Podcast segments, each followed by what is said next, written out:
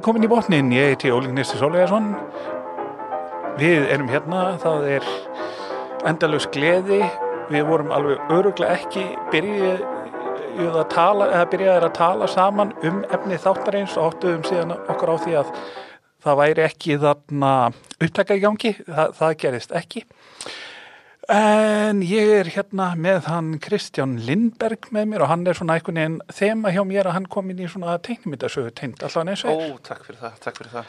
Já, það er, þá, það er svolítið nördastimpill að fá að koma þar. Ó, það er uh, stimpil sem ég verða bara að lifa með. Já, og, já. En, já. Uh, Það, það er janúar, það er, það er frábæra mánuður, ekki? Já, þetta er það sem ég kalla svona treat yourself mánuðurinn. Já, af því, af því það er dimmt, jólun er búinn, Og þú að... fegst ekki allt sem þú vildir í jólugjöf. Nei, nákvæmlega. Og hvað er skemmtilegast að fá í jólugjöf? Það er alltaf eitthvað til að spila, spila með öðrum. Já, það er alveg rétt hér og þú veist, kommentkerfi 2, það er til í búðum líka hver myndi og síðan er látbræð alveg að seljast upp langsíðustu eintökin. Ó, Hver er að síðastur að grípa það? Það er bara held ég til sko, í jan, heimkaup. janúar er alveg, er, hefur, er oft einstaklega svona erfiðu mánuð fyrir mig og Já. hérna, og veist, það er oft gott að, veist, svona, bara smá, splæsa smá pening í það að, að hérna, í eitthvað fjárfesta held ég, í sjálfum sér með því að kaupa, kaupa eitthvað svona Fjárfesta í gleði fjárfesta gleði, fjárfesta fyrir gleði. sig, sig og fólki í Já, taktu hérna, taktu út uh, úr gleðabankarum og fjárfestu. Já, akkurat, þú setur inn í hann í sömar. Já, nákvæmlega. Það er nóg, sól úti, sko. Já, um, við þarna, þú komst hérna síðast að tala um endur Mm og núna spyrjum við spurningarnar uh, hver horfir á vaktmennina? Ó, það er góð spurning. Spurning sem hefur spurð alveg síðan uh, forn rómvesku Já, uh, eitthvað leik. já, leik- hver, leiklis. já, kó, kostúdien, kostúdien. Núna, núna, það, heyrist hver er háskólamentaður hérna. eða þá það, hei, ef það er einhverju sem kunna landinu sem er að hlusta, þeir eru að gera í að gremju að heyra mig svona reyna muna svona bara, þú veist, hvernig orð það geri. Ó, já, ó, já. Eh, Já, en fyrir, fyrir svona, hérna, í- svona hvað er það, eh, leikmannin þá hljómar það mjög, mjög, alveg, já, já, mjög.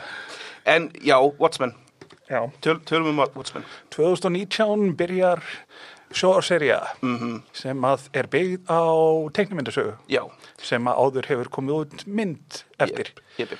og höfundurinn elskar ekkit annað held, ekkit meira heldur en að, þegar aðrir taka höfundaverk hans og gera eitthvað úr því Aha, aha. Koma því kannski sér Hann hefur líka góða ástæðu til þess að elska það, sérstaklega eftir uh, League of Extraordinary Gent- Gentlemen sem var svona fyrsta svona, Oh. já, tilrun hérna held ég til þess að hérna, gera Alan Moore. En já, tölum, tölum aðeins um uh, Alan Moore og Watchmen uh, teiknda söguna. Uh, slum, kannski komum við smá viðvörunum varandi höskulda að uh, uh, við, við eigum eftir að tala um smá höskulda setna í þættinum uh, við skulum segja ykkur það en bara ekki, ekki skrolla, skrolla fram og já, já, ver, uh, verið viðbúin þetta Verið er ekki alveg svona þetta er ekki hörskulda frýr þáttur Hva, þú, hérna, uh, þú hefur ekki sagt mér áður, hérna, hvað Nei. þú var skamall þegar þú, Nei, nei, við- þegar þú við varst rætt- hérna Watch, Watchmen uh, fyrst. við rættum það ekki dáðan Nei, alls ekki. Nei, ég, ég, það var bara 2012 sem ég fór gegnum mikið teiknumyndasögu ár þar sem ég las allar klassísk kla, allar klassískustu klassískustu klassískustu. Það er ekki fall, Mest klassísku. já, þannig að teiknumyndasögunar og meðan ég var að kaupa þær inn fyrir þarna framhaldsskóla sem ég eh, vann í.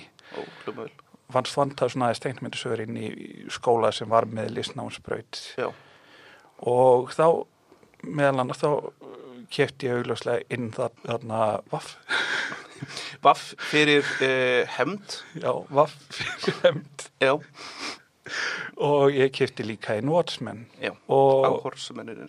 já, og það sem að var að þá hafði ég séð held ég báðar myndirnar á endan Já, sem er þarna ekki, ekki endilega leiðin sem ég fyrir yfirleitt að hlutum nei, og það var þannig að sko mér fannst þarna við fórum þetta svona ákveði svona ekki alveg þú veist, mér fannst þarna Watchmen svo mikið betri heldur mynd, myndin en en þetta var bara svona, já, Já, ég, ég, ég, ég, þykti alltaf áhugavert að, veist, að hvernig þú upplifir eiginlega sko hérna Watchmen, Eh, þú, þú horfður á myndina fyrst þegar hún kom út 2009, 2009 eða ekki? já.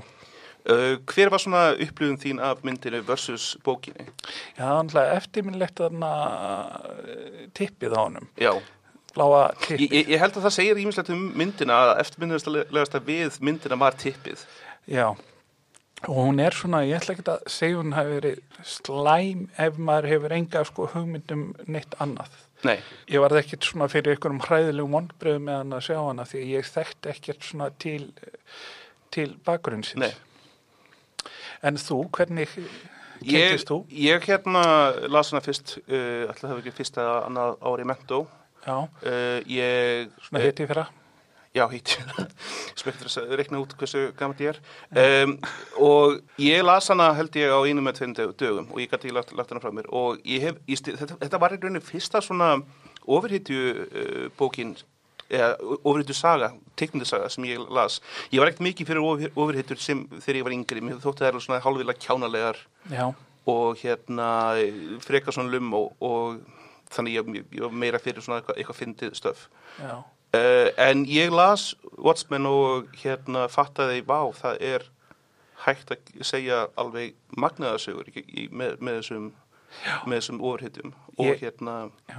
Ég var svona aðeins yngri þegar ég las hins vegar þarna Dark Knight, þarna hans Frank Miller. já, sem kom ári ári að tveim held ég uh, á undan, minni mig Já, Watchmen, já, ég las það þegar ég var í svona tíundabekka eða eitthvað svo það, Og já. það er, þessar tvær sögur eru svona stórar í bara overheadju mm. -hmm. tegnimyndasögunum af því að það er þarna svona, það breyttu öllu, sko já, það breyttu og hérna og, það er margir sem segja að hérna ofurhitju sögunar svona þroskuðust á þessu tífumbili já, Uh, ég held ekki alveg alveg verið sammála því að ég held að hérna, að meira kannski að þeir hérna uh, að þeir fóru í gegnum svona emo- emo-skeiði Þetta er eins og þegar, þegar svona 13 ára krakki þroskast og hérna verður hérna byrjar að hlusta á Led Zeppelin eða eitthvað, ég veit ekki. Og ef það er ímó þá er það kjúr eða, Cure, já, ég nákvæmlega. Ég var svona old school emo, þá var það að uh, hérna, eða Morir, hvað er það, Morrison? Morrissey, Morrissey, já Smiths, Smiths, já, nákvæmlega já, það er korugt sem hefur náða að hylla mig svona, Er það ekki? Nei. Ég hef gamla kjur, en hérna allavega. Uh, ég hef, en Mor Morrissey hins vegar er orðin svo mikil asni að ég, maður, ég, vil ekki, ég vil ekki hugsa um hann, ég vil ekki Já. hugsa um hann. Ég, ég, ég hérna, get hlustað á smiðin í bara, ég þarf einhvern veginn að ekki hugsa um hann með hann. Uh, nei, en það, það er margir sem segja að, að hérna, að það er svona þroskuðust á stílinn. Ég, ég held bara að svo demografjan hérna af þeim sem hérna lásu uh, ofurhittu sögur kannski hækkaða þess. Já.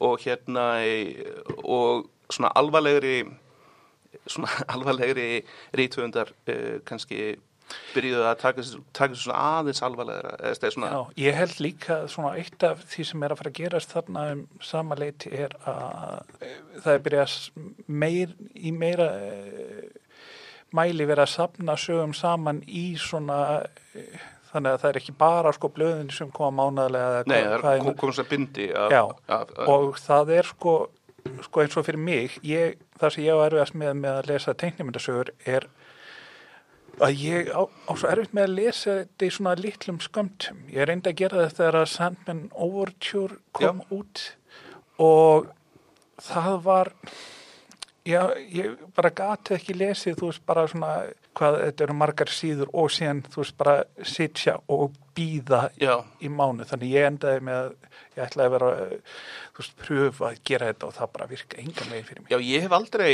aldrei raunin gert það sjálfur. Ég hef aldrei nefnt að býða eftir einhverju, einhverju eðu ég held að hérna svona eina eina serían sem ég kannski ég, ég var, svona, var beið eftir var Fable hérna Fables, já. Fables, já. Já. Uh, þar sem ég bara beið bara eftir bindunum sko þau kom, kom út en ég hef ekki, ekki nefnt að, að lesa, kaupa blöðin sko. Já, ég klá, kláraði ekki þarna, klára, kláraði aldrei Fables af því að þú veist, Ísraels líkingin var svona óhóflega svona og Vá, já, það er rétt hjá þér Vá, ég, ég- það, ok, ég hérna ég kláraði greinlega ekki hérna eh, hún, hún er hræðileg.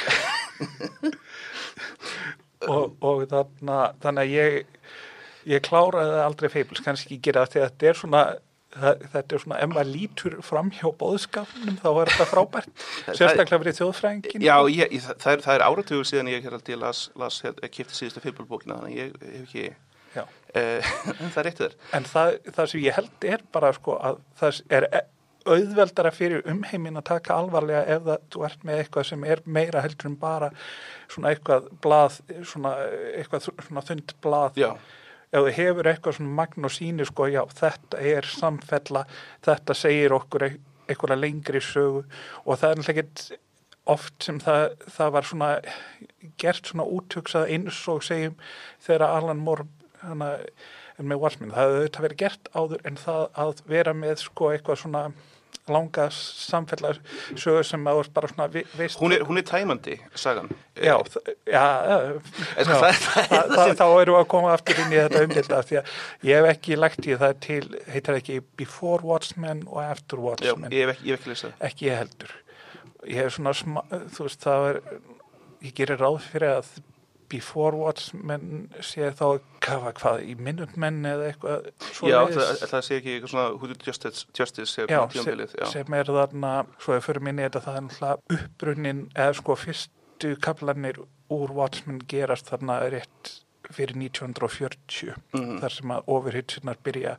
Já, ekki, það er nú alltaf hægt að kalla það overhitsu Nei, raun ekki. Uh, og ég, sko, ég veit ekki sko að því að raun eina overhitjan sem er sko með overkrafta er þetta bara, er uh, Dr. Manhattan en, og hann kemur ekki fyrir þannig að senna Nei, fyrir langt senna og ég, það getur kannski verið að það sé kannski líka, aðeins verið að endur spekla hvernig overhittur voru uh, þróðust til að svona sjálfar Að, að það var kannski ekki fyrir svona að, það, það var alltaf Superman Super, Superman kom, já, en, en, en margar hetjur á undan honum voru ekkert sko endilega með einhver svona overkræfta þetta voru bara svona vigilantis svona hérna sem voru sjálfskeipaðir já, nákvæmlega, sjálfskeipaðir hérna lagana verðir sem hérna vildu vildu... réttlætisverðir réttlætisreitrar réttlætisreitrar sjálfskeipaðir sjálfskeipaðir ekki félagslegir ekki fyrir í þannig sjálfsseríunni kannski þá fyrir maður og hérna en já, en síðan, síðan kemur Dr. Manhattan og hérna og fyrsta svona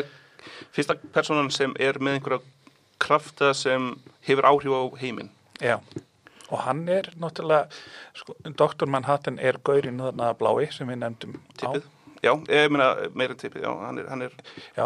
já, tók líka eftir að það voru veglegra í myndinni heldur en í tengum þetta ég held, ég held að það er, öst, er hérna, mjög lýsandi fyrir myndina að það hefði tekið meira plás og fólk hefur eiginlega það tók meira plás og það tók meira plás plás í sögunni og í hérna, ég held að, ég held að það var meira fókusað á tippið í, í, í, að því sko, ég Ég, ég, ég, svona, eftir ég sá myndina þá þurfti þurft ég að fara baka og lesa söguna eftir og hugsa, var það tippið svona mikið þannig en nei, nei. Uh, nei það, var, það var aldrei eins ábyrgandi allavega. Já, svona strömpaklám en þarna og hann er, hann er svona svolítið svona típisk ofurheit hjá því að hann lendir í svona einhverju kjarturku slísi svona, mm, svona, svona originsaga baka það Já. Og hann verður blár og almáttugur mm. Já, sko Já mm.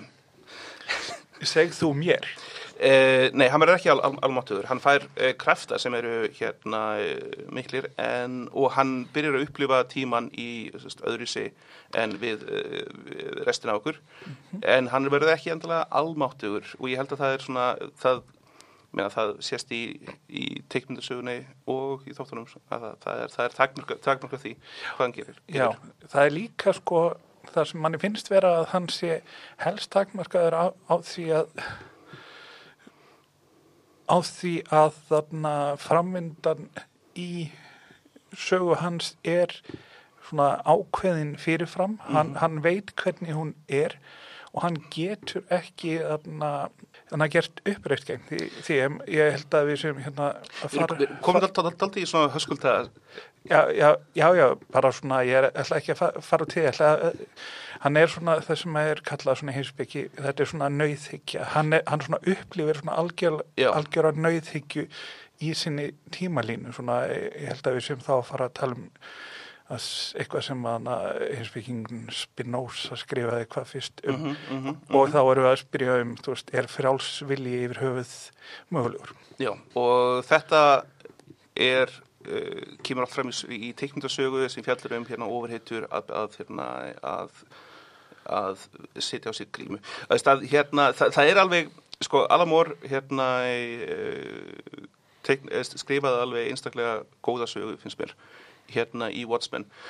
Uh, saga sem hérna hefur að mínum að upphaf og enda og er ekki fullkomin heldur tæmaleg og hún er, það þarf ekkit meira Já. það þarf ekkit meira að finna í, í rauninni að gera neitt við þessa sögu en veist, það þýðir ekkit endilega sko að uh, öðrum er frjálstað hérna, að byggja kannski uh, sinni eigin túlkanir á bókinni. Já, mönnum er það frjálst af því að þarna út af einhvernum samningum sem Alan Moore, Alan Moore, hérna, eigum að tala hans um Alan Moore? Já, já, hann er, hann lítur út eins og hérna galdarkall og Já. uh, hann er galdarkall já, og það eru gæsaleppir utan er hérna, hann hefur kallað sér sjálfan gal, gal- galdarkall og hérna og uh, svona hans trú er svo að galdrar gerast í gegnum orð. Mm uh, ekkert endilega kannski ofur náttúruleg hérna í svona atvik heldur auðvitað að við, hann er, auðvitað að við getum náðu að byggja okkur einn svona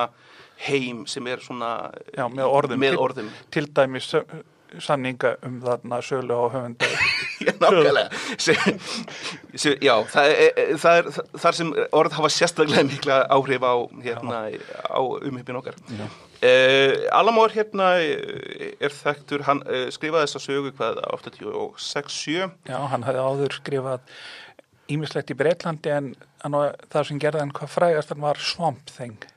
Já, já, sem var hérna eh, fyrir, ég sé það ekki Ég, ég held það. Ég það, Þetta er svona hvað 81 eða eitthvað til Já. 84. Hefur, hefur, hefur lesið svampi? Ég hef lesið aðeins að ég fannst það greip mig ekki Nei, og það er líka ekki alveg svona eins og Watchmen þar sem maður getur svona alveg svona bara hérna er það svo getur lesið það sem tröfla mig kannski oft við þannig og, ofur hetju þannig að sögur er að það er erfitt að finna svona eitthvað svona ingang og útgang ó, þess, það er svona heilla svona sögur eins og Watchmen Ná, nákvæmlega, nákvæmlega.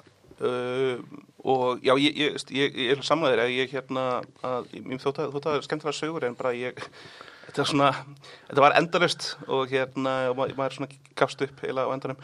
Um, en hann skrifa síðan fleiri, fleiri hérna svona hvað er maður, influential sögur og svona, hann skrifa þetta við fyrir þetta sem hérna Við for Vendetta er náttúrulega fyrir við for Vendetta er náttúrulega sko viðbröð við Thatcherisma í Mhm. Breitlandi mm og þá er svona svolítið þarna að Watchmen sé svona eiginlega kannski reikanismi þó að já. í söguheimi Watchmen þá sé reikan ekki fórseti. Nei, nei, alls ekki. Og hérna og svona, það var kannski meðvitað uh, breyta hans heiminum uh, svo að hann væri ekki alveg of hérna svona, alveg eins og hérna, nútíminn þegar, bækunum kom út er, Já og líka í, í þannig sjóðarstættan nú sér maður það, það er verið að nota geisladiska. Já, já, í, í, ykkurum nútíma ég bara veist hver, hver, hver, hver gerir svoleiðis? það, það tók mér svo tíma að fatta eiginlega hvaða, hvaða ár hérna þessi þættir eh, eiga að gerast Og En- hvaða ár er það? Það er bara 2000, ég held að þetta á bara að gerast 2019 eða ekki? Ég held það. Ég held það. Alan Moore sem sagt, já, hann skrifaði hérna e, Við fyrir þetta og hérna League of Extraordinary Gentlemen Já. sem er hérna, sem var í miklu uppaldi á mér þegar ég var e, yngri. E, Það, það, það, það er svolítið fyndið að hann, hann tekur þannig að Viktoríansku hetjunar og meðal annars Alan Quartermain sem er svona sem ég hef lesið töl, þarna, Ég- ná, ég- Námur Salomons þarna, já, kon- ég, ég hefði aldrei hýrt um hann áður en, Nei, nei. hérna, en, en, En en það, einmitt- ma- maður, maður fræðist ákveðlega mikið svona um hérna bókmyndir þegar maður að lesa um, það er kannski, ég veit ekki hvað hvað er langt síðan hérna kvikmyndum að gera, hvað, 2005 eða eitthvað 6, eitthvað svoleiðis? Nei, það var fyrir, þetta var þannig 2002. myndin eitthvað svoleiðis, myndin var svo slæm að þannig að Sean Connery hætti að leika Já, Uh, já, þannig að það getur verið kannski að bara stór hluti hlustandi að hafa man ekki svona eftir uh, myndinni. Nei, hún, þú veist, fyrir fólk sem var svona kannski ekki inn í þessu korki að fylgjast með svona tegnmyndasögu heiminum eða kvimda heiminum þá var þetta bara svona einhver bóla sem að bara kvarf. Já. Þú veist, það er enginn sem að er að hefur áhuga að rifi upp þessa kvikmynd. ég. Nei, raun ekki. Uh, ég man ekki hvort það var hún eða hvort það var eitthvað önnur reynsla sem uh, valdi því allavega Moore um, eða bara ha- hafði yngan áhuga á því að koma nálagt hérna uh, kvikmynda gerð af uh, öðrum sögum sem hann, sem hann hérna Já, skrifa. og það sem við, það sem var náttúrulega líka hann var óal ásattur við þannig að Before og After Watchmen þannig að sögurnar svo eru gerðar án hans Já. þannig það sem við sjáum líka ef, ef þið fylgist með þarna eh, svona kreditslistanum í Watchmen þá kemur svona based on characters co-created by Dave Gibbons Já. það er ekki nafnið hans Alan Moore hann er búin að taka fram að hann vilji ekki að nafnið sitt sé tengt Tengt- nein- tengt- tengt neinu svona. Eins og við gætum ekki góðast að því sjálf. Eh, ég menna, sko, ég, ég held að, ég held að Dave, margir... Dave Gibbons er sem séðan að listamæðurinn eða listamæðurinn og, og ég, verði að hjáta það að geta ekki uppgifan hann sér næstu í, í helmingurinn af Watchmen, hann, hann, hann gefur alveg svona sm- smáatriði og, og gerir stemmingur að fullkomna. Já, ég man ekki, þú veist, það er það er kannski munnurinn svona líka, það er mikill munur á til dæmis þarna listinni í V for Vendetta og síðan þarna Watchmen. Já, og ég myndi segja þarna Watchmen svona betri eða ekki betri en mér finnst þú ná sko því sem að þetta þarf að vera fyr, fyrir söguna. Já, fullkomlega og hérna það og eh, líka bara hvernig hún er lituð, hvernig hún er hérna teiknuð og það, það er, þetta er bara, þetta er bara flott. Þeir laum, lauma líka inn sko þeir eru að sína teiknumyndasögur í, í teiknumyndasögunni já, sem eru sjóræningasögur af því að þarna ofurhetjur eru ekki vinsælar í nei, nei, nei, þá eru Það, þarna eru, það eru til í al, al, alvörinni þá er stílinn af þeim svona bara eins og maður sé að lesa einhverja tarsan sögu Já, nákvæmlega. frá Siglufyrði hann, það, hann hefur það eh, ákveðið að koma ekkert nála, nála þessu og líka, ég, ég, veist, ég var að lesa það að, að ástæðin fyrir því er það bara að hann kann á eitt medium sem eru teikmyndasögur Já, og e, það er veist, það að hann hefur hún ekkert um kvikmyndir að segja. E, og ég myndi segja hann að hefur ekki viljað að fara eða það er engin, ég veit ekki hvort einhverja er bóðan að fara sum leið og Robert Rodriguez gerði með Frank Miller já, í Sin City. Já sem, já, já, ok, kannski það, það kannski fyrir Frank Miller uh, Já, en en þannig gekk það kannski ágætlega en uh, það gengur eftir ekki fyrir þessa sögu. Já, e- en eins og ég segi, þú veist, e, maður hefði sko að haldi að þeir vera álíka erfiðir í þarna í Sko, samvinnu. ég, ég, ég, ég hef meiri samúð með uh, hérna.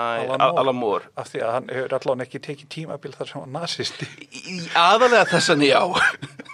hann er ekki fasisti annað en... Hann eh, reyndi ekki að skrifa þarna rasíska þarna Batman-sögu. Nei, og og ein, ein, einhvern veginn- hefur hún tekist að fara í gegnum ferlið sinn án þess að vera fasisti. Já, og hérna, Hann er, hann er náttúrulega, akkurat hinum, hann er náttúrulega bara anarkisti. Hann er anarkisti, já. sem er, hann, hann er lengst til vinstri an- anarkisti, Já, ekki þarna. Já, og hérna e, og líka, líka það er stað hérna að uh, hann hefur ekki ég hef, lesið, og hlustað á, hérna, á viðtöl við hann sko. og hann er ekkit, hann er svona frekar earth gaur, Já, hann er ekkit svona, ég, meina já, hann hefur svona e, sína hugmyndafræð já. fræði, fræði og allt það en hann er ekkit að svona komið svona stóra alhengar og eða, eða e, tælja sig vera geimveru eða eitthvað, eitthvað annað e, eins og já. aðrir ónefndir hérna höfundar Já, það sem er þarna og talandi um þetta þá var þarna, eftir að hafa hort á þættina þá ákvæði ég að sjá hvort það veri nokkuð sem hefði hyrst frá honum um þetta.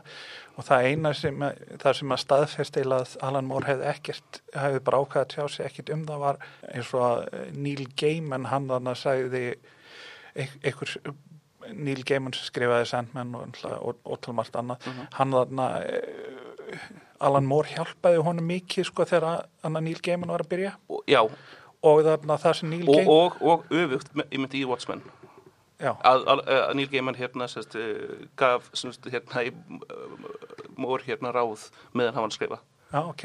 Ég vissi það nú reyndar ekki, en það sem að Níl, einhver tvítæði á Níl og hann er mjög virkur á Twitter og er bara hann sjálfur á Twitter og hann, hann þarna var spurður hvort það veldi ekki mæla með Watchmen sjóðstáttunum fyrir Alan Moore og þá sagði Níl að hann ætlaði bara að sleppa því að horfa þættina bara virðingu fyrir Alan Moore og fyrir því hver, af því að hann væri ennþá bara ósátt við hvernig það var að fara með hann. Já, ég meina, já, hann, hann, er betur gaur, Hann en, en, en það er kannski, hann er kannski betur á, á, ástæði. Já, það, það er svona, þú veist maður getur, ef maður ætlar að reyna að vera trúr sinni sa- sannfæringu og það gengur ekki upp, þá er tölverða líkur á því að maður er bitur. Já, en hérna, já, en sem sagt 2009 þá var gerð þessi kvikmynd sem svona vakti kannski áhugan aftur á uh, á Já. þessum heimi og hérna þessar sögu og veistu, þessi saga hefur þetta verið sko alveg frá hérna í eh, 86-7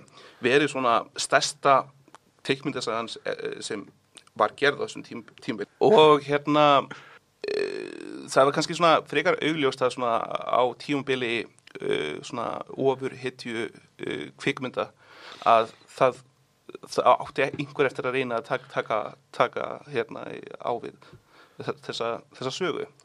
En það er líka sko spurning sko á, á þeim tíma sem overheitju kvikmyndir eru meira og minna allar svona myrkar og allt svona allir að reyna að vera dökkir og svalir og eða emo, ég veit ekki hvað maður að kalla þetta Mhm.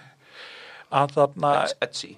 að þarna hvað af því að Watchmen er uppreist gegn svona þessum hefðbundnu þannig overheitju sögum sem er ekki svona overheitju myndin á sama tíma eru ekki eins og þær sem að hann ein, ein- eins og þær sem eru að gera uppreist gegn 86 Já, uh, ég held að ég held að kannski og lí- líka við tölum um þátt, þáttinn það, það hérna að ok, það er, það er, það er hægt að horfa kannski á Watchmen sem svona út frá einhverju svona fílofísku eða pólitísku hérna í sjónuhorni eða það er bara hægt Já, að horfa, horfa á þetta sem bara sögu. Já, og hérna og ef þú horfir á þetta bara sem sögu já, já, gjör svo vel, farðu og hérna og veist, hér, gerðu þinn eigin svona hérna fanfictiona af því.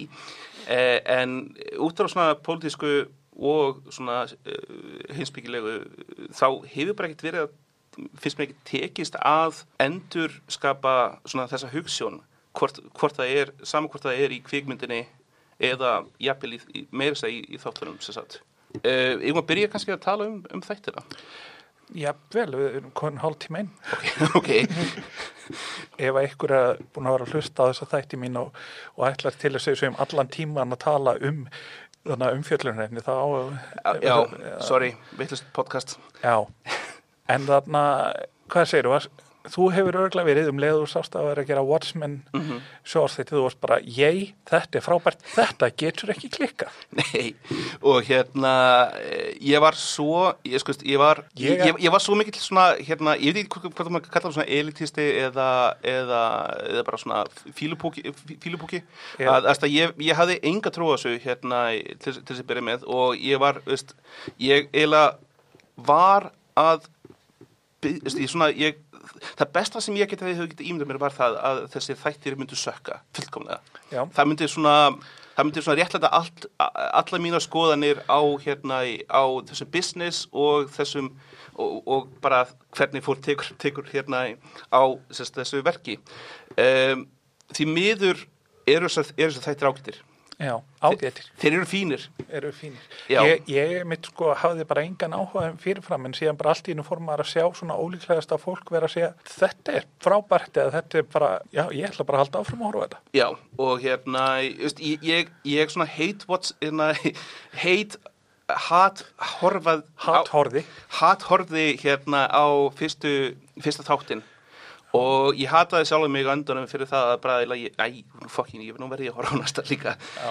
og af því að sko, það sem þættin gera gott og, og hérna, ég vil kannski að tala um það hvað, hvað, hvað er gott í þess að þætti er það að þeir, bara, þeir, þeir ná að gera svona gott hútanett, uh, gott svona mysteríu, góða svona cliffhangers og gera svona ákveðlega compelling sögu Og þetta er svona, svo maður útskýr þetta, þetta er í sama heimi og teiknumindarsagan og myndin í raun Já. 34 árum setna. Já, Og það er þannig að það koma fyrir þannig að einhverja personum úr teiknumyndisóðunum þær eru ekkert þannig að í neinu aðallutverki svona alltaf Nei, veist, þær eru ekki en, endilega ábyrrandi í aður karakterin í hérna í þessu sögu er, er hérna alveg ný, ný, nýr karakter. Já, og hérna Regina King sem, sem, sem, leikur aður karakterin og ég verð að segja það að hún er alveg frábær leikar, já, já.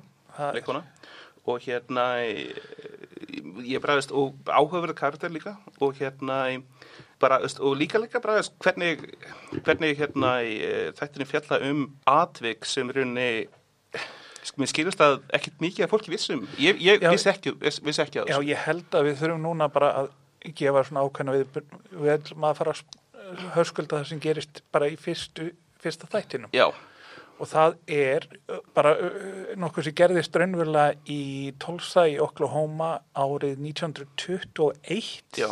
er það ekki rétt hjá mér? e- e- e- eitthvað svo þessi á þín tímbili Það sem hefði gerst var að það var hverfi í Tulsa þar sem að svart fólk hafði náða að byggja upp svona fínt hverfi, það var komin með svona að fara að vegna vel í viðskiptum og fara að eignast peninga og það sem gerðist var bara hræðilegt. Ja, fjöldamorð og eins og hefur gerst aftur og aftur í sögu bandaríkjana er að ef að svart fólk fær allt í einu eitthvað smá þá er hvít fólk tilbúið til þess að Þá- bara þá- myrða það þá eða kemur, þá limlesta. kemur þessi svona reaksjón í, hérna, í, í bandaríkjamannin og hérna þarf að, þarf að gera eitthvað sem er náttúrulega svona, ef við færum í því að svona undirlegjandi struktúrin er náttúrulega að þarna rá, ráðandi aðeinar ný, nýta sér það að þarna íta saman, þú veist, þannig að fátöku hvítu fólki og svörtu fólki til þess að, já, E, já. ef maður verður svona aðeins politískur. Ef, ef, ef við svona full on marks þá, já,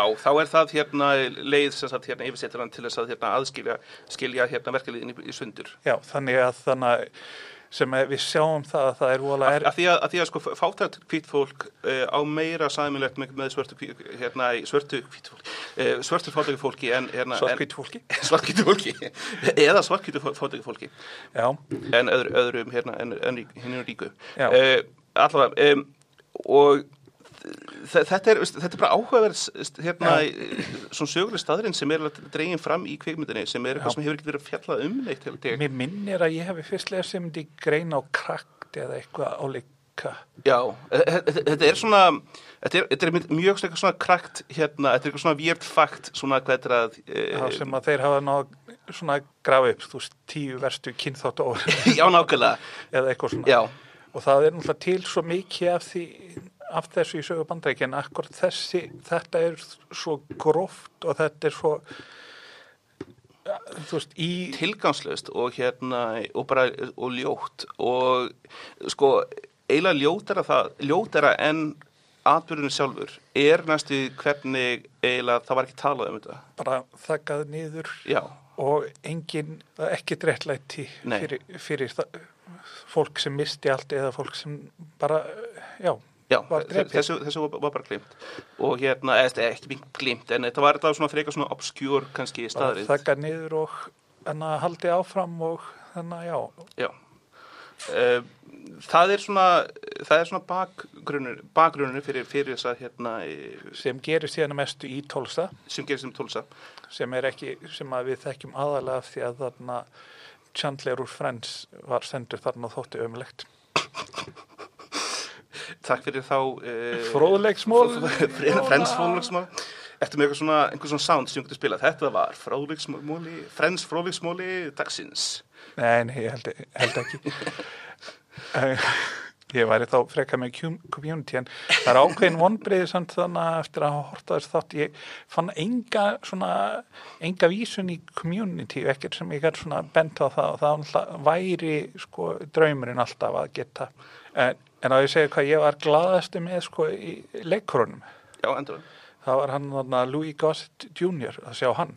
Kann, Þi- kannastu, kannastu við hann þarna sem leikur Will Reeves? Já, já, já, uh, ég verði hjátt á það, ég hérna, þekki kannski ekki hérna nú vel, vel hérna, Já, ég hef, ég hef náttúrulega bara ekkert sé, ekki, ekki, ekkert en ég hef varla síðan síðan 80 eitthvað.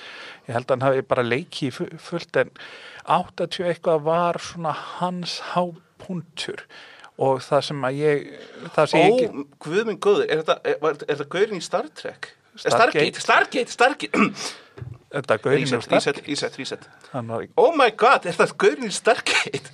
já, Á, En mér- er svo vortikon í lífins í hálfæði. á, á, ástæðan fyrir að ég man sko það sem ég man best eftir honum er að hann leik í hana Iron Eagle sem ég myndi segja að það væri veit ekki einu sinni hvort þetta kom fyrir eftir en þetta var voðalega mikið þannig að svona eins og að Top Gun bara verra. Ein, ein ástæði fyrir ég á spenntur að sjá þessa mynd var bara því að Queen lag í, í þessu sem One Vision. Og líka þarna eh, af því að það er verið að endur sína þarna gamlu, gamlu Poirot þættina Ekkjul Poirot. Hakju på það, já, sem var í miklu uppaldið umlega, uh, sem krakki. að hann þarna sá sem leik hann í þarna göm, gamlu þáttunum hann er illmennið Ei, í þarna Iron Eagle ó, ok. Já, já Louis Gossett Jr. hefur svona hann er svona einhver sem hefur svona verið endalust að en hann hefur held ég aldrei náðu svona verið í stærri stærra hlutverki í svona tiltölulega stórri mynd Hann er uh, mögulega eitt uppálds uh, leikur, uh, uh, uh, svona performance hans er í miklu uppáldi á mér í, í þáttunum. Hann er svona, það dölaföllur og það veist, áhugaverður að, veist, og bara lær því það, það vel að hann er hann er svona betri leikari heldur en þannig að Iron Eagle er góð mynd. Gene Smart er þannig í stóru hlutverki. Mm eins, eins góð, hún var, hún var fín í þessu, hérna, í þessu hlutverki en uh, ég held að ég held að það er kannski komið tíma þess að við þurfum að tala um höskulda, eða ekki? Jú, jú, Ok. þannig að ekki bara þú veist í, á fyrstu tíu mínútur heldur almennt Já, og hún er náttúrulega hún hefur sterkust tengsl af þessum af þeim sem eru ábyrjandi í þáttunum til að byrja með Mhm. sterkust tengsl við upprunalegu söguna. Já, af því hún er silt, spek, spektur, Tvö. Tvö, fyrir ekki, Já, já, mamma hennar var, var, var, þetta hérna svo fyrsta. Já, og hérna, og fyrirvændi ástkona, uh, Dr. Manhattan. Já. og fyrirvændi áskona Night Owl Já, sem er í sögulínu þáttana svo að við förum í höskaldana lofa fullu Mm. þá er hann í fangilsi Pítu, ég, það fór fram hjá mér. Já, það er þarna svona atrið þar sem er verið að svona vísi í það að þarna þingmaðurinn eh, segir svona já, ég geti losað ugluna úr búrinu. Ó, ef hann, eh, ef hann ég, ég, ég bara gekk út frá því að, sko, að hann var í dáin Já, því að sko, hann var þetta miðaldra hérna í, í upprunlegu sögunni. Já, en það sem að hafði náttúrulega gerst í þannig að Watchmen var að ofurhetjur voru bannaðar þessu voru með grímur. Já, og síðan eru grímur eh, síðan líkil þáttur í þessum þáttum af því að lögreglan gengur með grímur. Mhm. Og hana, það er svona fyrsta atrið sem þetta kefur fram er svona einmitt eitthvað sem að snýr við akkurat það sem er að gerast í bandarísku samfélagi þar sem að kemur svona, það er svart lagga með grímu að stoppa hvítan bílstjóra. Og, hún, og af því að við af því að þannig að veit ekki hvort það sé verið að vísa í það að þannig að bandríkin eru þannig með frjálslindan forseta, Robert Redford. Mhm. Auðvitað er Robert Redford búin að vera forseti í síðan 90 eitthvað. Og þarna að þá séu þarna að löggur ganga ekki með byssur en eru með svona byssur í bílónu sem þarf að Já. losa. Og það, og það er skriffinska sem hérna sem fær hann ekki til þess að taka byssuna út nóg fljótt. Já, og þess vegna verður hann fórnlamp þannig að ef löggur myndir bara vera með meiri byssur og hérna nota, nota valdsitt meira þá, væ, þá hefði ekki gerst já, sem er náttúrulega viðbröð lauruglunar það að byrja bara að skjóta Já, nákvæmlega. Að gefa svona frelsi til þess að hann að taka upp allar byssur Já, uh, kannski Se, sem að pann kann, kann, nú, nú þurfum kannski hérna best að taka fram að ég, ég er ekki þeirra skoðunar. Kemur kannski ekki, ekki eins vel út í hérna, út í hérna Já, hann var rosalega kaldhæðin á sig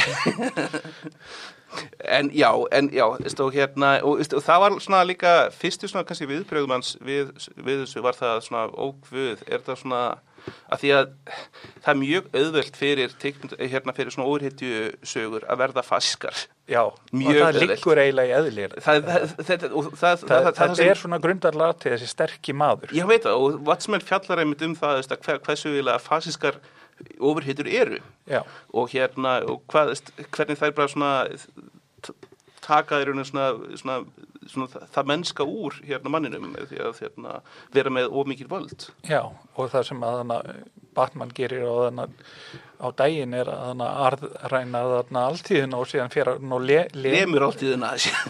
á nóttunni Já, sem að þarna, já, að, þetta er svolítið fasist. Svolítið. Í- mjög svo. Og ég var ekki, ég, ég, var svona var ekki svona með þeim fyrstu atriðum í, í þáttunum. Og ég var svona og ég hugsaði yes eða svona ó nei eða yes. Já. bæði það að ég var búast við þessu og ég vissi svona á hvað þeir, þeir eru eftir að svo fokka þessu upp. Já, af því að þetta er náttúrulega, þetta spila náttúrulega inn í alltaf umræðu sem er í gangi í bandryggjunum sem við fáum náttúrulega, þú veist, þarna svona hálf, hálfvegins í æð Já. ef við erum að neyta bandrygg sjósefnis til dæmis. það er þetta að vera, að fókusa vola mikið á rasisma sem er þetta undirliggjandi Já, svona hérna elementi í, í þessu öllu og hérna og líka sko svona sko í Watchmen TikTok-sögunni er, er engin svona vondikall það er engin svona, svona villin Nei. opin. Eða þetta, það þetta, þetta, sög, þetta, er bara sögur af fólki sem er að reyna að gera þetta besta í heiminum og það er hæðilegt já. Anna, óvi, anna óþokkin var í húsinu allan tíman Já, nákvæmlega. Og þá, þau, þau voru Já, óþokkin. ég, ná, nákvæmlega. Og hérna, þetta er svona, er svona kannski saga það sem er svona uppgötað það svona hægt og rólega. Uh, Í þessum heimi þá hefur greinlega ekki komast upp um hérna veit, hérna, eða Osman Díaz. Eh, ekki full, fullkomlega. Það, um, bóki, bókin hans hérna í bókin hans Rósar greinilega lag uh, til Já. fjölmiðla. Rorschach er sem séð þarna, hann er, hvað er að segja, út, útgáfa Alan Moore af Batman sem er Já, af því að í staðis að vera ríkur þarna ríkur gaur þa- þarna sem er með virðist vera með allt á hreinu sínum eða svona glemkosti þá er hann að Rorschach Alan Moore brjálæðingur. Já, og, og fátækur brjálæðingur fátækur brjálæðingur sem er hérna sem spáir heimsendanum og er svolítil fasisti sko ég myndi, sko, já, mér langar til að tala um sko hvernig sko fasism- fasisminn byrtist í hérna Osman Díaz og það byrtist í, í hérna Rósak af því að ég held að þetta þeir eru sko eru svona sikkur póll, póllin á hérna á svona í svona valdaspili fasismans. Já. að hérna Osman Díaz er, er sá sem telur sig yfir hérna í, yfir menn hafin og Já. hérna telur sig ekki þurfa að vera, bundir svona sérstaklega svona einhverjum svona siðlegu hann hann, hann er handan góðs vilis Nákvæmlega. Það er svona ekki beinlín hann er, hann er, hann er, hann er einhvers konar svona nýtsísk hérna já, svona hugmynda í, í, íkt og svona, svona ein, ein, eins og margir sem lesa Nietzsche svona ákveða svona að þeir séu sjálfur, sjálfur ofur mennið já, nákvæmlega, nákvæmlega. og, og sem ég myndi halda því fram að sé að vera miskilja Nietzsche upp að þessu margi en já, Já, já, nákvæmlega, en, veist, en það er ónýndilega er búið að tólka alltaf Nietzsche þannig Já. áður fyrr og Já, já. hérna og uh, og við uppáhalst náttúrulega Nietzsche elskandi persóna mín allar tíma er Otto úr A Fish Called Wanda já, But you think you're an intellectual, don't you, Ape? Apes don't read philosophy. Yes, they do, Otto. They just don't understand it. They just don't understand it. sem er mjög fullkomið svona lýsing á marga þá sem er hérna að lesa, lesa Nietzsche uh, já, og hérna alltaf svona, svo tólkun af Nietzsche er, er hana uh, Rósark er, er ekki Osmond Díaz, hann er, er, er anstæðan við Osmond Díaz, hann er fátakur hann, eh, hann er ekkert endilega sko sérstaklega, Hann er fátækur, hann er ljótur. hann er ljótur hann er, hann er rauðhörður, hann er ekki svona, svona aríska svona frummyndin eða eitthvað slags Nei. hann, er- hann er uh, hórusonur hann er hérna Bókstaflega. hann er bókstæðlega hórusonur og uh, er búin að samfélagið er búin að fara illa með hann Já. Og hérna og hann byrjaði þessu upp, upp, upp, upp frá botninum. Eða þess að hann byrjaði Já, á hann, botninum. hann byrjaði á botninum og vann sig hana, Ennþá á lengra niður. hann, einhverjum einhver, einhver, hann, hann færði sig um á botninum. Hann, hann fann skoplu og byrjaði að Já. um, hann er reyður maður og ég verði að segja það ég hef meiri saman með uh, Rósak en ég hef með Osman Díaz Au, af því að veist, hann er það sem myndi kalla svona hann er reactionary. Hann, ég, ég veit ekki alveg hvað íslenska þýðingin er. Nei, nei, veist ég, hann er, hann er svona reactionary hann er sérst hérna í fátæki kvítumadurinn sem hérna fyllt, hann kýs miðflokkin sem segir það bara. Hann hérna hann heldur að þannig að Sigmundur Davíð eftir að bjarga fátækum. Hann er mikið að hanga á uh, stjórnmálas- stjórnmálaspellinu á. Facebook og hann heldur að Dag- Dagur B. Ekkertsson er marktvíst að reyna að gera heiminasveri Já, uh, hann er þessi típa uh, og við, við, við þekkjum, þekkjum þessa típu öll. Já, og hann, hann hefur ekki rétt fyrir sér. Nei, nei.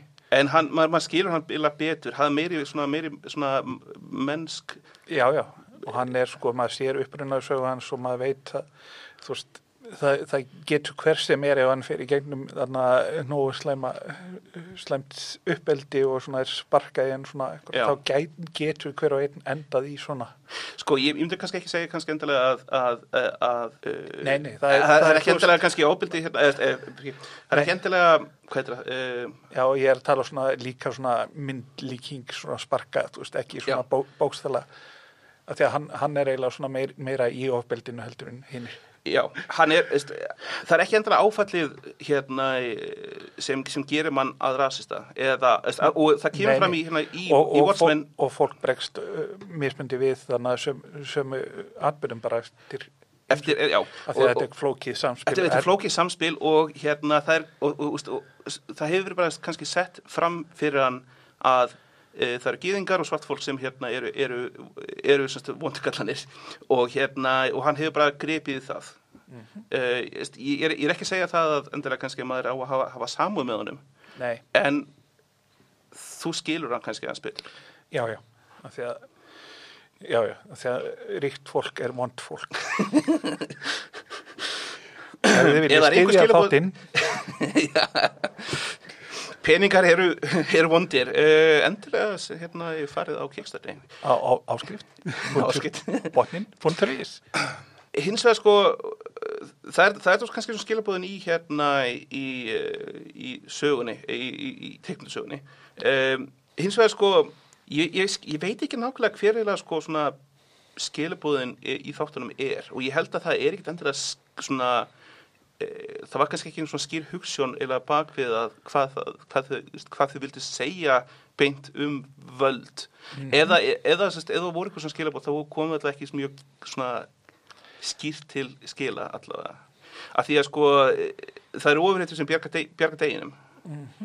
En það voru ofurheitur sem eru voru að valda sig líka til, til þess að byrja með. Mm þannig að ég held að það er engin svona það er engin það er, það er ekki kannski tekin kannski eins mikil afstæða til, til þess eins og það er gert í teknísu Já, af því að Alan Moore er náttúrulega það, það er ekkert svona ópolítist við það sem hann gerir. Nei, og ég, ég, ég held samt að sko það jafnvel það sem er svona meira svona meiri svona aftreng heldur en eh, kannski þetta þetta eða við fórum en þetta það er ekki og ég held að þessi þættir líka e, þeir reyna e, og, og, og ná e, af þessu marki að gera það, að þeir vilja vera pólitísk líka Já, þeir vilja vera pólitísk og þeir, þeir fjallaðu um kannski málefni e, sem er auðvitað rasismi án þess kannski að sko, ok, tölum aðeins um hérna Dr. Manhattan Já. Dr. Manhattan í einum þættinum semst, er, það er í teikninsögunum þá er, kemur fram það fram að hérna, Dr. Manhattan vann Vietnamstyrðið já, bandaríkjumenn hérna unnu út af Dr. Manhattan af því hann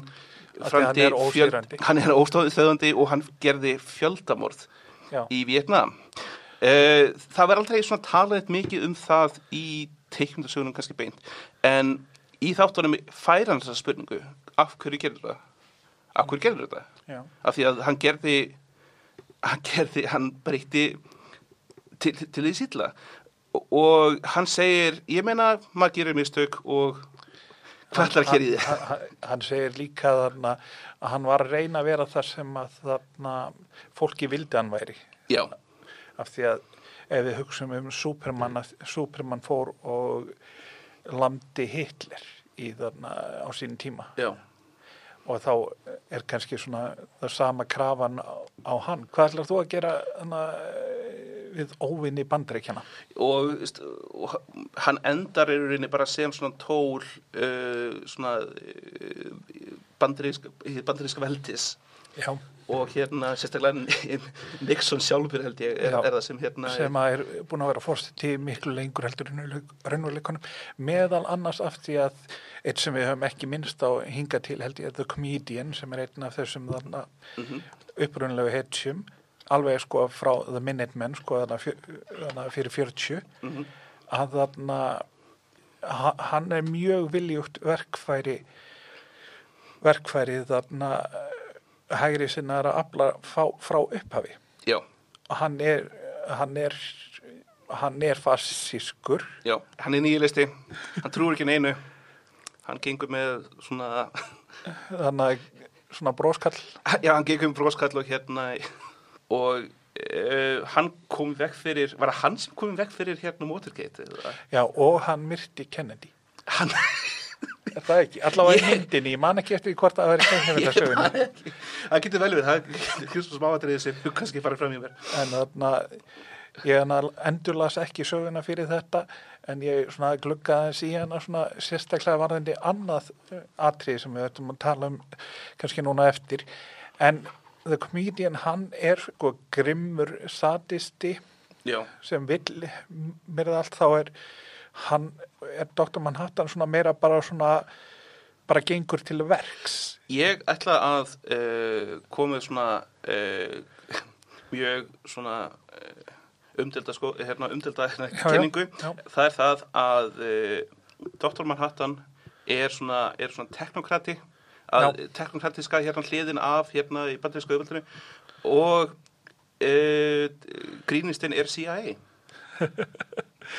já, og hérna og, veist, og svona teknokratarnir er bara þeir vilja þetta gera gott, þeir vilja hérna bæta heiminn þeir bara vinna sína vinnu, fókus á sitt svið og CIA fer og brennir bæi í hérna Vietnam já ef við snúum aftur við af The Minutemen sem koma merkilega mikið við sögu í Watchmen þáttunum. Já, og það er enda þannig að skondið svona eins og það eru teiknumyndasögur inn í teiknumyndasögunum þá eru þættir innan Já. þáttana þá er þá er einhvers konar svona Zack Snyder útgafa af Watchmen inni í Watchmen það sem afhjúpast í þannig þátt, þáttunum er að sá fyrsti af þessum grímuklættu þarna réttlætis ritturum Mhm.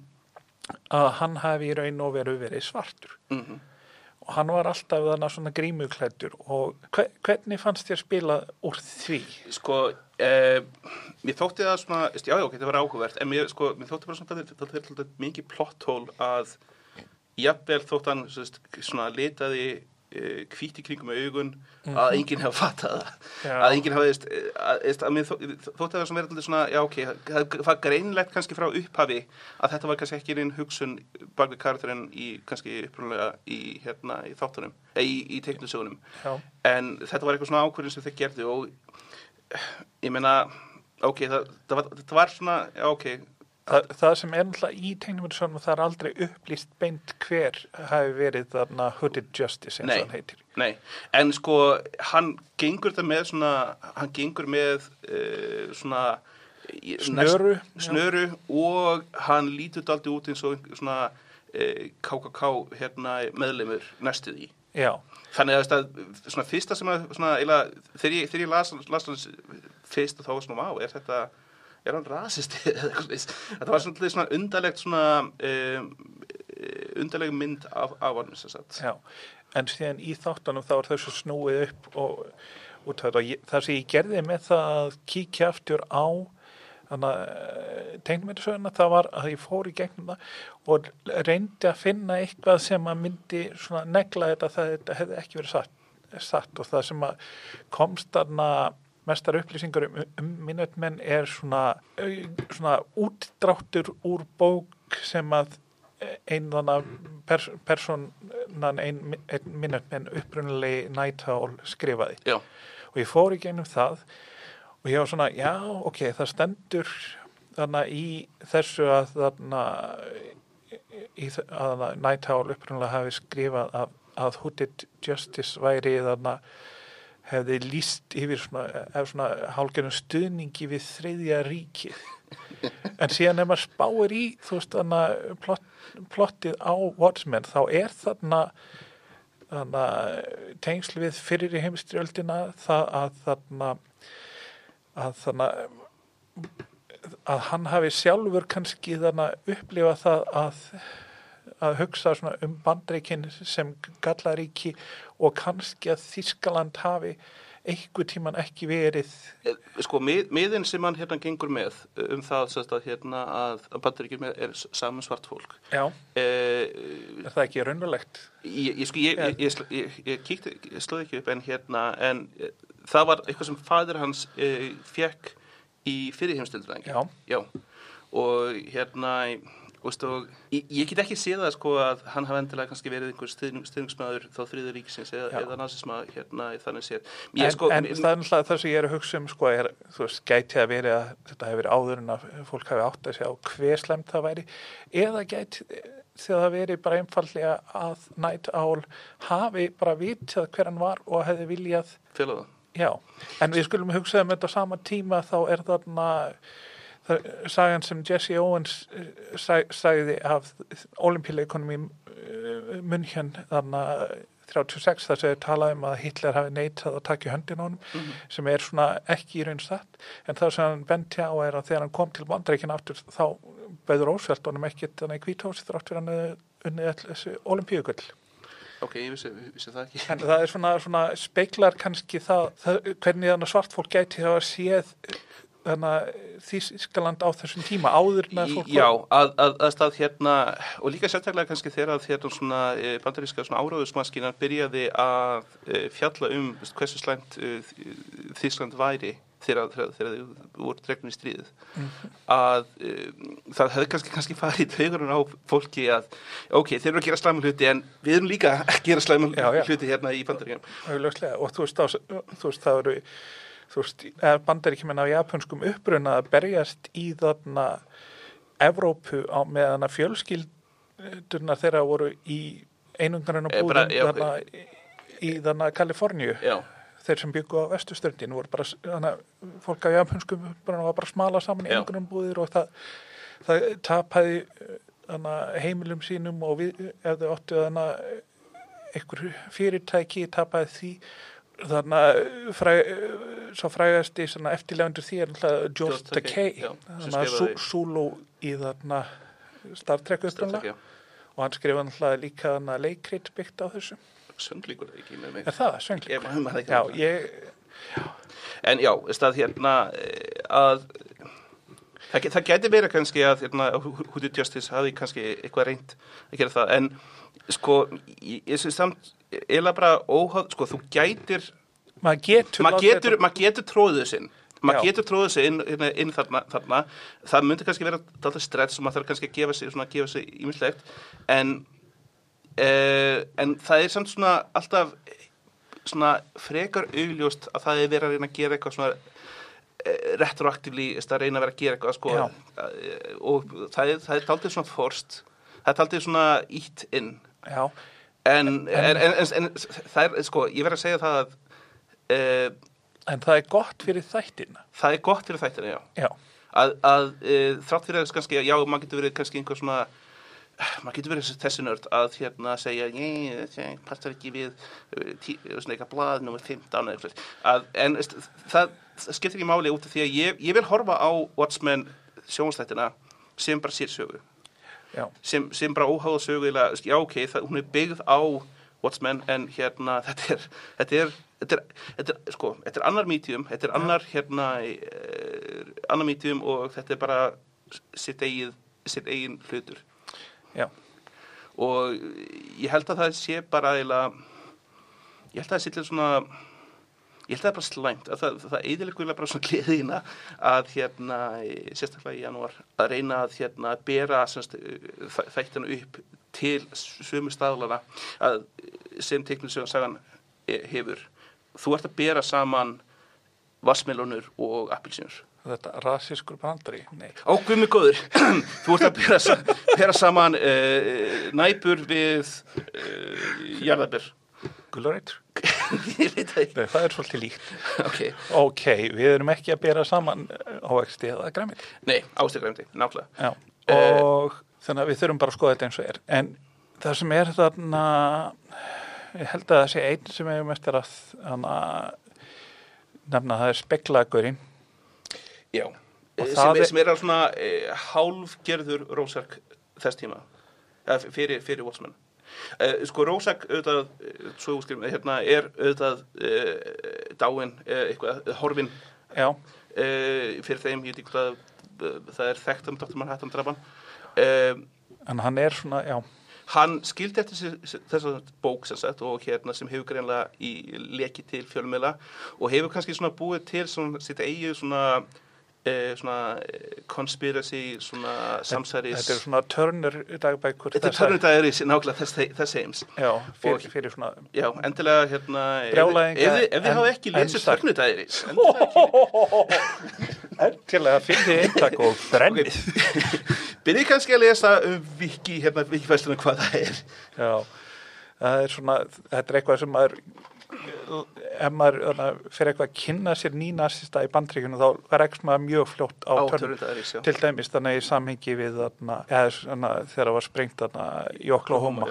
Akkurat, við erum mitt í Oklahoma núna þannig að þetta er kannski mjög að, og hérna, uh, speklagurinn er hérna, eh, er einhvers konar uh, það er, ok, hérna þættinir um, hafa einhverja svona tilviknanir í uh, teiknusjóna með því að endur gera svona vissa senur. Uh, ein senar er kannski til dæmis þegar, hann tekur hérna grímuna af sér og er að borða bönir eitthvað svona sem er svona frekar íkonísk sena í hérna Watchmen. Uh, og maður, maður sér svona maður sér svona ég myndi ekki, ég veit ekki hvort, það er svona tilvíðanir eða svona bara easter eggs Já. og, og sumt fólk hefur mjög gaman að því að hérna að svona hei spott þessu, hei þetta er það en mér þótti það bara svona hálf kjánlegt til að ég, ég, ég tók ekki eftir en það er orðið of langt kannski síðan last teiknmyndasögum. já, en það eru, það eru kannski svona ég veit ekki, það, ég veit ekki hvort kannski ég átt því ég var nýbúin að lesa söguna aftur Já. en það er svona svona lítir hlutir, svona litlar senur já, sem eru kannski of ábærandi sem er svona, æ, come on uh, en veist, það er samt eitthvað sem sko sem Watchmen teknisagan gerir líka það þeir hafa svona, end, svona uh, endur taka oft svona ímsar svona íkon, íkonska hluti uh, eins og broskallin hann byrtist svona víða sko Já, já. í, í, í, hérna, í teknisagunni en en sko það sem ég held að hrættur við, við, við að þessi eins skemmtilegir svo þættir eru eins, eins svona eins, það það var gaman að horfa á þá. Að ég veit ekki hversu eftirminnilegir þeir eiga eftir að vera. Já, Ég- já, fyrir þetta kannski svona svona sögus kannski svona sem, sem, sem er svona vekið upp að það, það er ekkit svona það er ekkit svona stórt í endanum sem er svona, svona til að hugsa eins og, eins og hérna Watchmen kannski gerði nei. Og ég, ég veit að ég ætti kannski ekki að vera að bera saman eins og ég sagði Já. en e, Því að þú, þú, þú ert bara eins og þarna Rorschach, þú ert svona hræstnari. já, ég er hræstnari og, ég- og og ég veit það Já. og hérna e, og ég er ekki horfur Já, ég er í sverði alltaf, alltaf þannig að sjálfum mér sangunni. En ég ætlaði bara að nefna aftur með hana speiklagurinn, við kallam bara það, Já. Að leikarinn það er Tim Blake Nelson sem er einmitt frá Oklahoma komst ég að, að því hlusta á viðtalvegan í WTF þannig með Mark Maron Já, ok. Er, Og- er, er hann grínist eða eitthvað slíkt? Nei, það sem að þú hefur kannski oftast síðan kannski bara í þarna Coen bara eðra mynd. Hann náttúrulega leki í þarna hvað hétt þarna Netflix myndin sem þeir gerðu. En það er O Brother Were Art þá, þar var hann einna, hann var með þarna, þarna var það ekki Torturo og þarna Clooney. Uh, já, uh, hann var- e, e, eina af þeim fáu konum bara sem ég hef, ekki séð. Já, en hann er þarna sko þriði í gaurinn þar Ah, ég skil.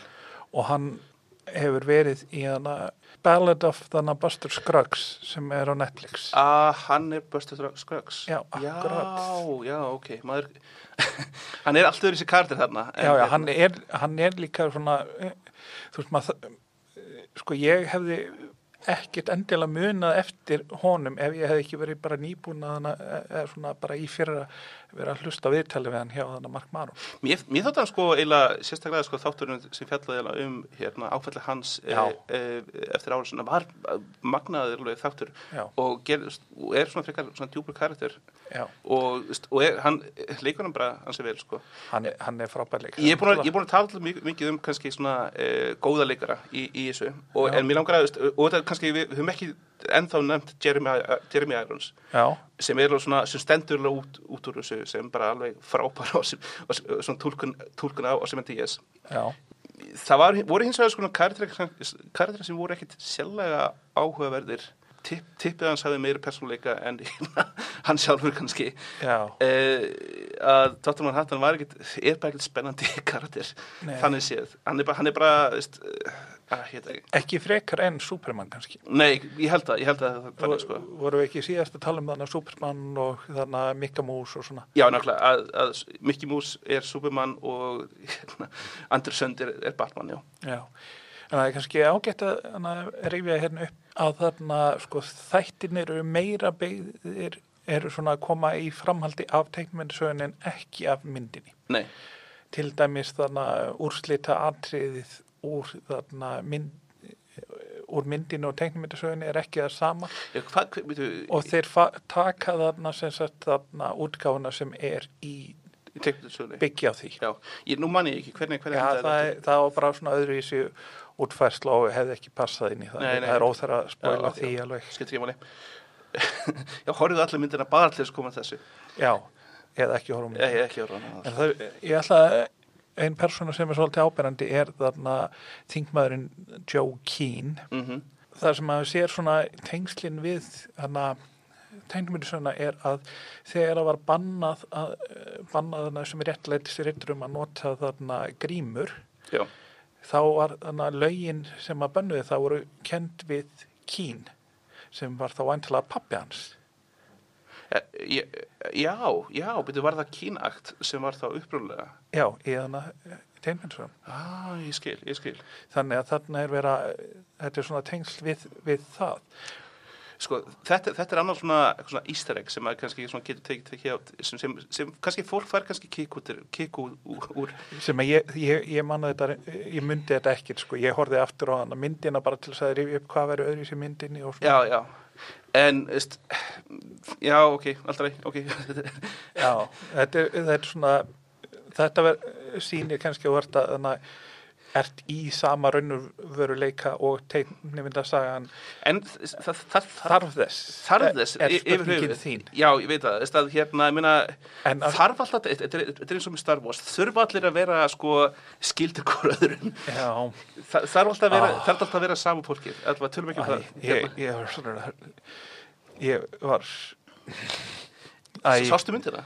Já, Ok, ég er ekki með sjóna Nei, nei, nei, nei. En ég veit, ég veit spoilerinn og ég eða, yngan á að sjá hana já.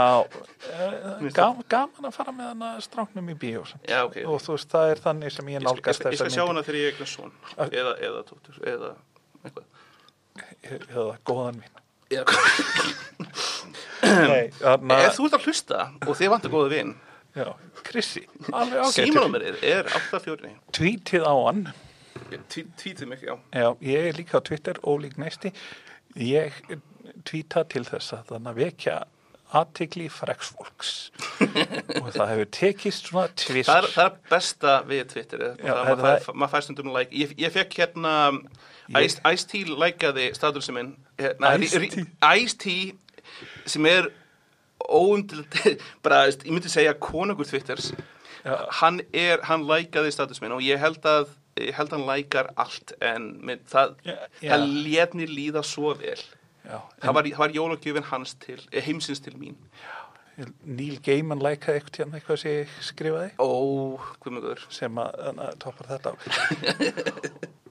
Osman Díaz líkin á Jeremy Irons er er hann ekki döði fyrir? Last ekki það sem hann sagði? Nei, guður, ég, hann er alveg komin þannig aldur að ég er svona, já, ok, alltaf veitir eh, það sem hann sagði svona vakti hjá mér löngun til þess að ef ég hitt hann að klípa hann í rassin Já, á þess að hafa lesið hann þá hef ég líka haft hérna svona langar mér á hérna klípan í rassinu líka en, hann, Osman Díaz hérna í sko, í alltaf í teikmyndasögunni og þetta teikmyndasögunni er ekki, er ekki með hljóð þá ímyndaði ég mér alltaf svona Osman Díaz sem svona, sem svona frekar svona mjúkrataður og svona þetta ekki býtt kannski smeðjulegur heldur svona einlægin eða svona eitthvað. Og Jeremy Irons kemur með alltaf þessu orku uh, og alltaf þessu tólkunni held ég á Osmandi sem, er- sem er fín út af sig. Mhm. þetta, er, þetta, er, þetta er skemmtilega karakter hann er bara ekki, ekki svona, það sem ég hafði ímyndað mér að Osmandi sé Eitt af því sem að þættin vísa í tengtinni er, er svona að þessar fáu kvennpersonur sem að voru þar hafi ekki verið svona ekki alveg verið nógu uh, fengið nægan persónuleika. Nei, ég, ég samanlega þér uh, og það þarna kemur alveg sko þarna, ha, ég tók ekki eftir þér. Þú þarna kona í bakgrunnin Hefur þið hýrt hugtaki Girlfriend in a Freezer? já, Já, að það er daldið þannig hérna svona í uh, Watchmen upplunna teknisjóni já, og, veist, eh, og öðru efni líka sem, sem hérna kannski Alamór hefur skrifað. Um, ég, ég ætla ekki að verja það sko. Meina, það er, það er, Nei, nei, það er rétt það- þar að hérna, Watchmen hérna, setur ekki hérna konur rétt í mikið? Það er tölvert meira af konum í þáttunum en það er samt ekki þarna, ekki alveg jafn mikið og það væri hægt að gera. Í Angela Ebar hérna er það, er það aðalkarakterinn. Þannig að Sister Night Sister Night, já. Og síðan er það náttúrulega Lady True. Já, ég kannaði svona ekki við þá leikuna. Nei, Já. núna sko, ok, ég var bara uh, fyrir, fyrir viku síðan að klára að lesa uh, kýmverska uh, cyberbók sem heitir Three Body Problem. já, ég hef leysið það. Lesið það, líka? það er hræðilega niðurdrepandi hefur Það er það. það Ég- ég- hefur varstu bara lesa fyrstu bókina? Bara fyrstu bókina, já. Ef, ef þú vilt bara fara í janúar þunglindi þá er þetta frábær lestur þetta er fullkominn í svona janúarbók, já, Já, eftir, rétt eftir jólinn, lestu Three Body Problem. Uh, en já, það er, það er, það svona, það er karter í hérna Body Problem sem er svona uh, gáð hérna kýmversk kona sem, sem hefur, hefur lifað af Já. hérna í menningar menningabildinguna. Og hérna hún myndi myndi aldrei á, á hana Já. e, svona ég veit ekki hvort það er bara því að hún er hún er kínumersk en hérna hún hún er alltaf Vietnam fyrir ekki, fyrir ekki, ákveðum guður sem er guður, ok, rasti, rasti, þú ert að þekkja e, bara af útlitinu, þú ert að vera svo lítill rasisti og getur hort á fólk og séð hvað nákvæmlega hvað, hvað það kemur. Vietnamst eða. Eh, hún alltaf er, var hérna, austur asísk uh, kona alltaf og hérna, hún myndi myndi alltaf á því og ég, veit alltaf að, að sást, sást kannski þarna persónuna í bókinni fyrir Já. sem þessi leikona fullkona, akkurat, ég skil. En þannig að le leikarinn sem kemur er mjög áberandi þannig að fyrst það er Don Johnson. Ertu alveg, ertu svo mikill millennial og þú mannst ekki eftir Miami Vice? Um, sko, ég man eftir auðlýsingunum fyrir Miami Vice á stöðu 2 by the way, þetta eru hérna þessi þættir eru síndir á stöðu 2 uh, já. held mér að síndir á marathóninu sem þú getur keirt fyrir 3990 á mánuði. Já, uh, já, nei, ég man ekki eftir Don Johnson hérna í nei, en hann þarna sem, sko, eh, ég veit hver ég veit hver hann er, en ég, veit, ég, ég, ég hef ekki svona einina tilfinninga tengsl, tengsl. nei, nei, en það var þarna sko Miami Vice var, var svona lauruglu þáttur þar sem að þannig aðalpersonar þannig klættu sig eins og þeir væru í tónlistarmyndbandi 1980 eitthvað. Ég held, að, sko. ég, ég held að sko að svona uh, besta lýsingin á Miami Vice lukkinu er ymræður svona löggur sem börst á svona kók hérna dílera Já, og sniffaða sjálfar. síðan var hann alltaf líka, sko, ég er svo gamall, ég hugsa svona nýlega, þetta er 2012, Já. 12, þannig að Django Unchained, Já. þar var hann einmitt þannig í hlutverki Já, minni mig alveg endilega, og var svolítið skondin í því hlutverki. nú man ekki nákvæmlega, uh, var, var það hérna, var hann hérna sem var á hestinum hana? Já, Já, já. mér minnir það, Já, minnir, minnir það. En hann hefur náttúrulega leikið ótal miklu og hann, hann það er svolítið gaman, gaman fyrir mann sem mann eftir Don Johnson þegar hann var svalur sem eitthvað sem er ógeðslega ósvalt núna. Ég verið að segja það að, að hérna, Miami Vice lukkið er komið aftur. Sko, ég, Ég ég, ég, ég mun verja margt frá 1980 80 eitthvað, þú veist, til dæmis tónlistina, Já. en já, sem minnir mig á það náttúrulega, það kemur þarna, þarna George Michael kemur þarna inn með stórleik eða vamm með þarna Careless Whisper í þarna þættinum með speklakurinn í upprunasögun hans. Ó, já, það er rétt hjá þér. Já, já, jú, ég man eftir því. Það var, það var hansi, hansi magnað, held ég, Já, það var notkun á svona akkurat svona e, djöxtapósa, svona af því að við er, við. ég held að heiminu sé ennþá að reyna átt að segja á því hva, hvað þau eigi að hugsa um George Michael í þarna tónlisturunni hvort þau eigi bara svona taka þessu í svona nokkru verkan þar, þar sem hann var svona fullorðins tónlistamæður eða hvort þeir eigi líka að taka þarna, eh, þarna vamm í sátt. Já, og ég er mjög hlindur um vamm sko, ekki öllu vamm ekki öllu vamm en þú veist seg, segjum sko eitthvað eitthvað, eitthvað, eitthvað svona pop eins og Club Tropicana sem að er, veist, það hefur samt svona lúmskan, þannig pólitískan bóðskap sem að er gaman að taka eftir ó, hvud, nú þarf ég að fara að hlusta það aftur. Já, þar sem að þarna Club Tropicana kemur með svona uppreist gegn svona þessu hefðbundna verkamannaflokks þarna um það að allir eigi að gera allt til þess að komast í vinnu og vera gladir þannig hvort sem er séu, þú veist, námuverkamenn eða hvað annað, þú veist, að þræla sér út fyrir, þú veist, þó, er svona and, en þeir eru svona bara, Hérna, þeir, þeir eru bara svona, þú veist, ég er bara að skemmta mér og þú veist, það er, þú veist, ég er á atvinnulegsbótum og ég ætla bara að fara að skemmta mér. og, og, vinna er ekkert endilega e, það sem skilgriðin lífið þitt. já, vin, Eh. vinnan göfgar ekki endilega mannin. Nei, Maðurinn getur göfgað vinnuna. Nákvæmlega, það er eitt þau. Það er eins og þegar ég var uppvaskari þar sem ég reyndi að vera besti uppvaskari. Veistu hvað, heimurinn þarf ekki besta uppvaskara. Nei, en ég þurfti að vera besti uppvaskari til þess að höndla það. Já, að vera nákvæmlega. uppvaskari.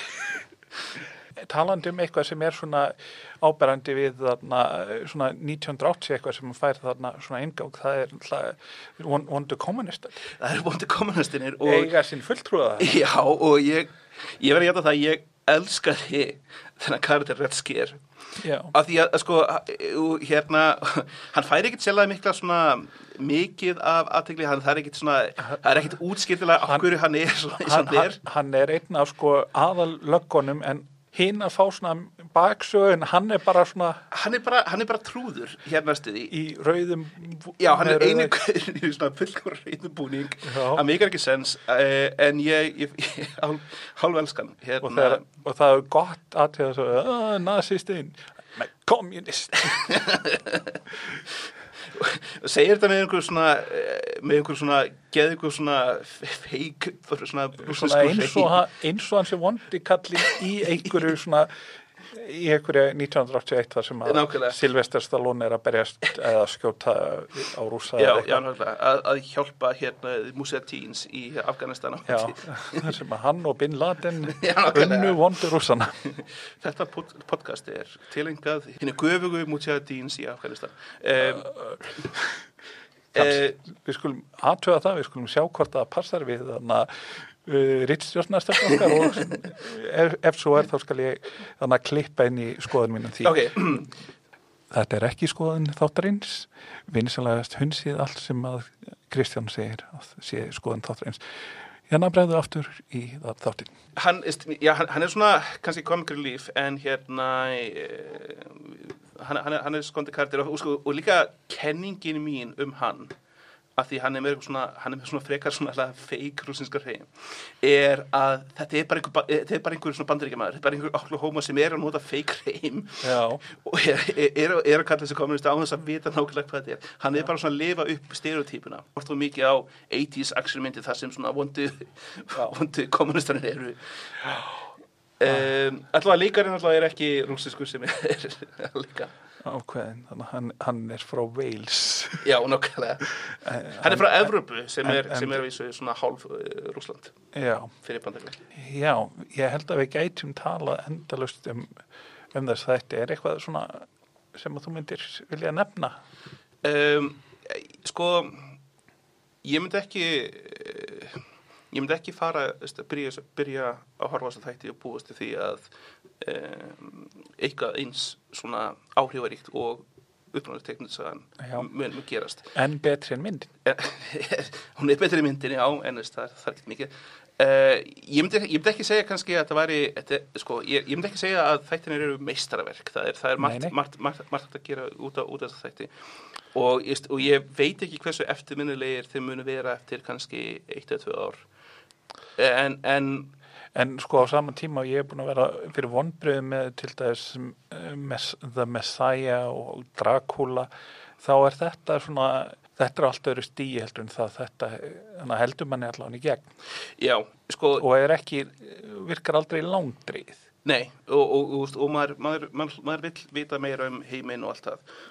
En ég held að það er samt sko eða mikilvægt að, sko, að aðgreina e, svona skrif eða svona, handils, hand, eða svona að búa til sögu sem er spennandi Já, en að e, gera sögu sem er á, áhrifarík. já, Uh, að uh, st, minna, ég, st, ég, ég man því að þegar ég var lítill þá las ég fullt af svona uh, Young Indiana Jones bókum sem Oh. var svona algjört svona pölp ég elskaði þær sem, sem ungur hrakki. Ég var, ég, ég var aðeins svo gamall fyrir Eh, ok, eh, ég hérna ég, eh, þær voru spennandi en Já. þær voru ekkert sérlega eftirminnilegar. Og svona eins og Young Indian Jones þættir. Nákvæmlega. Og ég, ég, ég veit ekki hvort að þessi þættir eru allavega sko, ég kannski er það er liðið það stuttu tíma frá því að horfa á þættina. Ég veit ekki ekki hvernig, hvernig munir svona en langar þið að fá fleiri þætti af þessu? Mér langar ekki að eins og, eins og mér langar ekkit endilega að uh, fá aðra Watchmen teiknserju Mhm. þá eiginlega ég, ég get alveg sætt með það að þetta var bara einn serju Þetta er náttúrulega alveg, það, það er náttúrulega búið að afgreiða það sem þarf að afgreiða í þessari sögu. Það er engin þarna, það er einn laus, laus, hérna, það er einn einn þráður sem hérna var ekki búið að binda saman Já. og það er það er Slippery Guy já, ég er með kenningum hann. Ert þú með kenningum hann? Ég held að slipper í gæði. Er aðstofamaður hérna? Já, já, já, já, já, já. Ha, það, þú veist, allavega, sko, þegar maður horfir á hann svona bara, þetta er gaur sem geti rend sér niður í hólarætti. Já, nákvæmlega, og, en ég, ég veit ekki, ég skil ekki, ég veit ekki okkur þetta var, þetta var ógeðslega fyndið og, en síðan sem maður glimti því bara svona, heyrðu, ég býtu, já, hvað gerist við það? já, En, þú veist, ég, jú, jú, eh, ef, ef, ef, ég, ef það kemur önnum serja, já, þá held ég að ég mun dæma nægilega út frá eins og ég dæmdi fyrstu serjun út frá Watchmen tefninsögnu að þetta er, er eitt ark, þetta er, er eitt verk og við sem bara sjá til hvernig næsta verk verður. Akkurat. Ég, ég er er ekkit svona eiginlega að stand, ég stend ekki á öndinni allavega eftir ég, En þú myndir mæla með að ef, ef fólk var hrifið af þáttunum þetta skella sér á þann tegnmyndisöguna sem fæst öruglega í Já, ég, ég, ég minna, já, Nexus? já, ég, ég, eiginlega sko, að að einhver ástæði þá gekk ég út frá því að allir þeir sem er hafa hórt á þetta hafa að lesa sig Já, það er einmitt, ég reyndi svolítið að na, pæli því hvernig þetta kæmi út fyrir ykkur sem hafa ekki lesið. Já, ég held að, sko, veist, minna, ok, það er, það er þetta spoiler í þáttunum uh, sem er þetta það að Osman Díaz uh, er mondikallinn, en bara út frá vilja bara, ég held að fólk getur samt alveg notið uh, Farið, teiknisöguna. fa, farið aftur, það er nóga efni. það, það þar er nóga efni, það er, og, veist, og það er líka, það er bara svo margt, margt við þessa sögu sem er, sem er flott. Já, og alltaf við. Aldrei hafa hetjur. Já, það er alveg rétt, aldrei hafa hetjur, Aldrei það hafa er, hetjur. er það ekki það sem við getum lært af Watchmen? Ég held það, ég held það. Það ekki, þetta er svona næstu eins og, Allavega- þetta er svo góður punktur að við ættum bara næstu að hætta, en Teiknindasögunar uh, segja allavega ekki hafa hetjur já, og uh, sjónstættir segir ekki hafa hetjur. já, e, þá ætlum við að bara að segja þetta gott, Mhm. um, enn og aftur bara kaupið spilin mín, þannig að kommentkerfi tvö, hver myndi fæst í búðum, Watchmen fæst vonandi bara í Nexus, og, Og í- líka bara V for Vendetta og hvað mynd, myndur þú segja líka þarna? sko, núna, nú, það, það er nokkur ár síðan ég las líka Vextröð og Alland Gentleman, það er til dæmis ein s- freka brútalsena sem held ég eldist ekkert sjálflega vel. Ok, uh, hérna, í, en, jú, það er það er, það er, það er, það er tjekki bara Alan- Moore, googli Alan Moore tjekki á honum, hann er fíkaður Já. uh, speskur, en, veist. Spes gaur. En allavega ekki, ekki svona maður sem að lifir til þess að eignast meiri peninga. hann er listamöður Hann er listamaður, kvalinn listamaður, bitur listamaður, Kvalinn bitur- skrítin listamaður.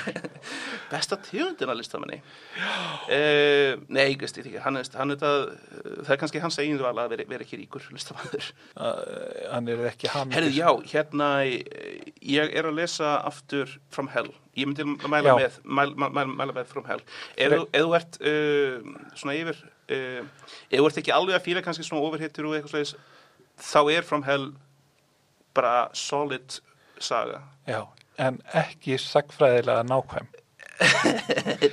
Nei, nei um, hún, hún er ekki það fjallar um koppakviðristu, Koppakviðristi, já og hérna, ekki horfmyndina en ekki, það er Johnny Depp. það, það, það, ekki, ekki spáði þenn því líka bara að uh, listamæðurinn sem teiknaði er með alveg einstaklega fallaðan stíl Já, og ég myndi alltaf að segja að Sandman sé besta teiknumins að allra tíma. Ég ætla ekki að vera Og ósamlega núna hefur Kristi fikk að segja. Sandmann er, hann uppi en ég, ætla ekki að Nei, ekki nei. um Af því að við getum væntalega ekki af, afgreitt þetta endanlega. Svona. Nei, e, næsti þáttur hins vegar verður bara að tala um Sandmann bara, Watchmen.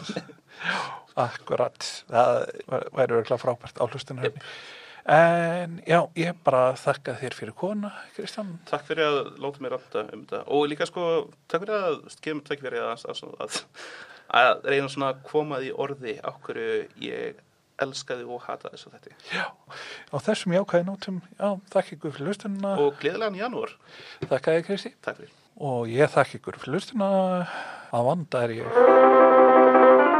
Óli Nisti og við hlustum hérna á Boogie Boogieð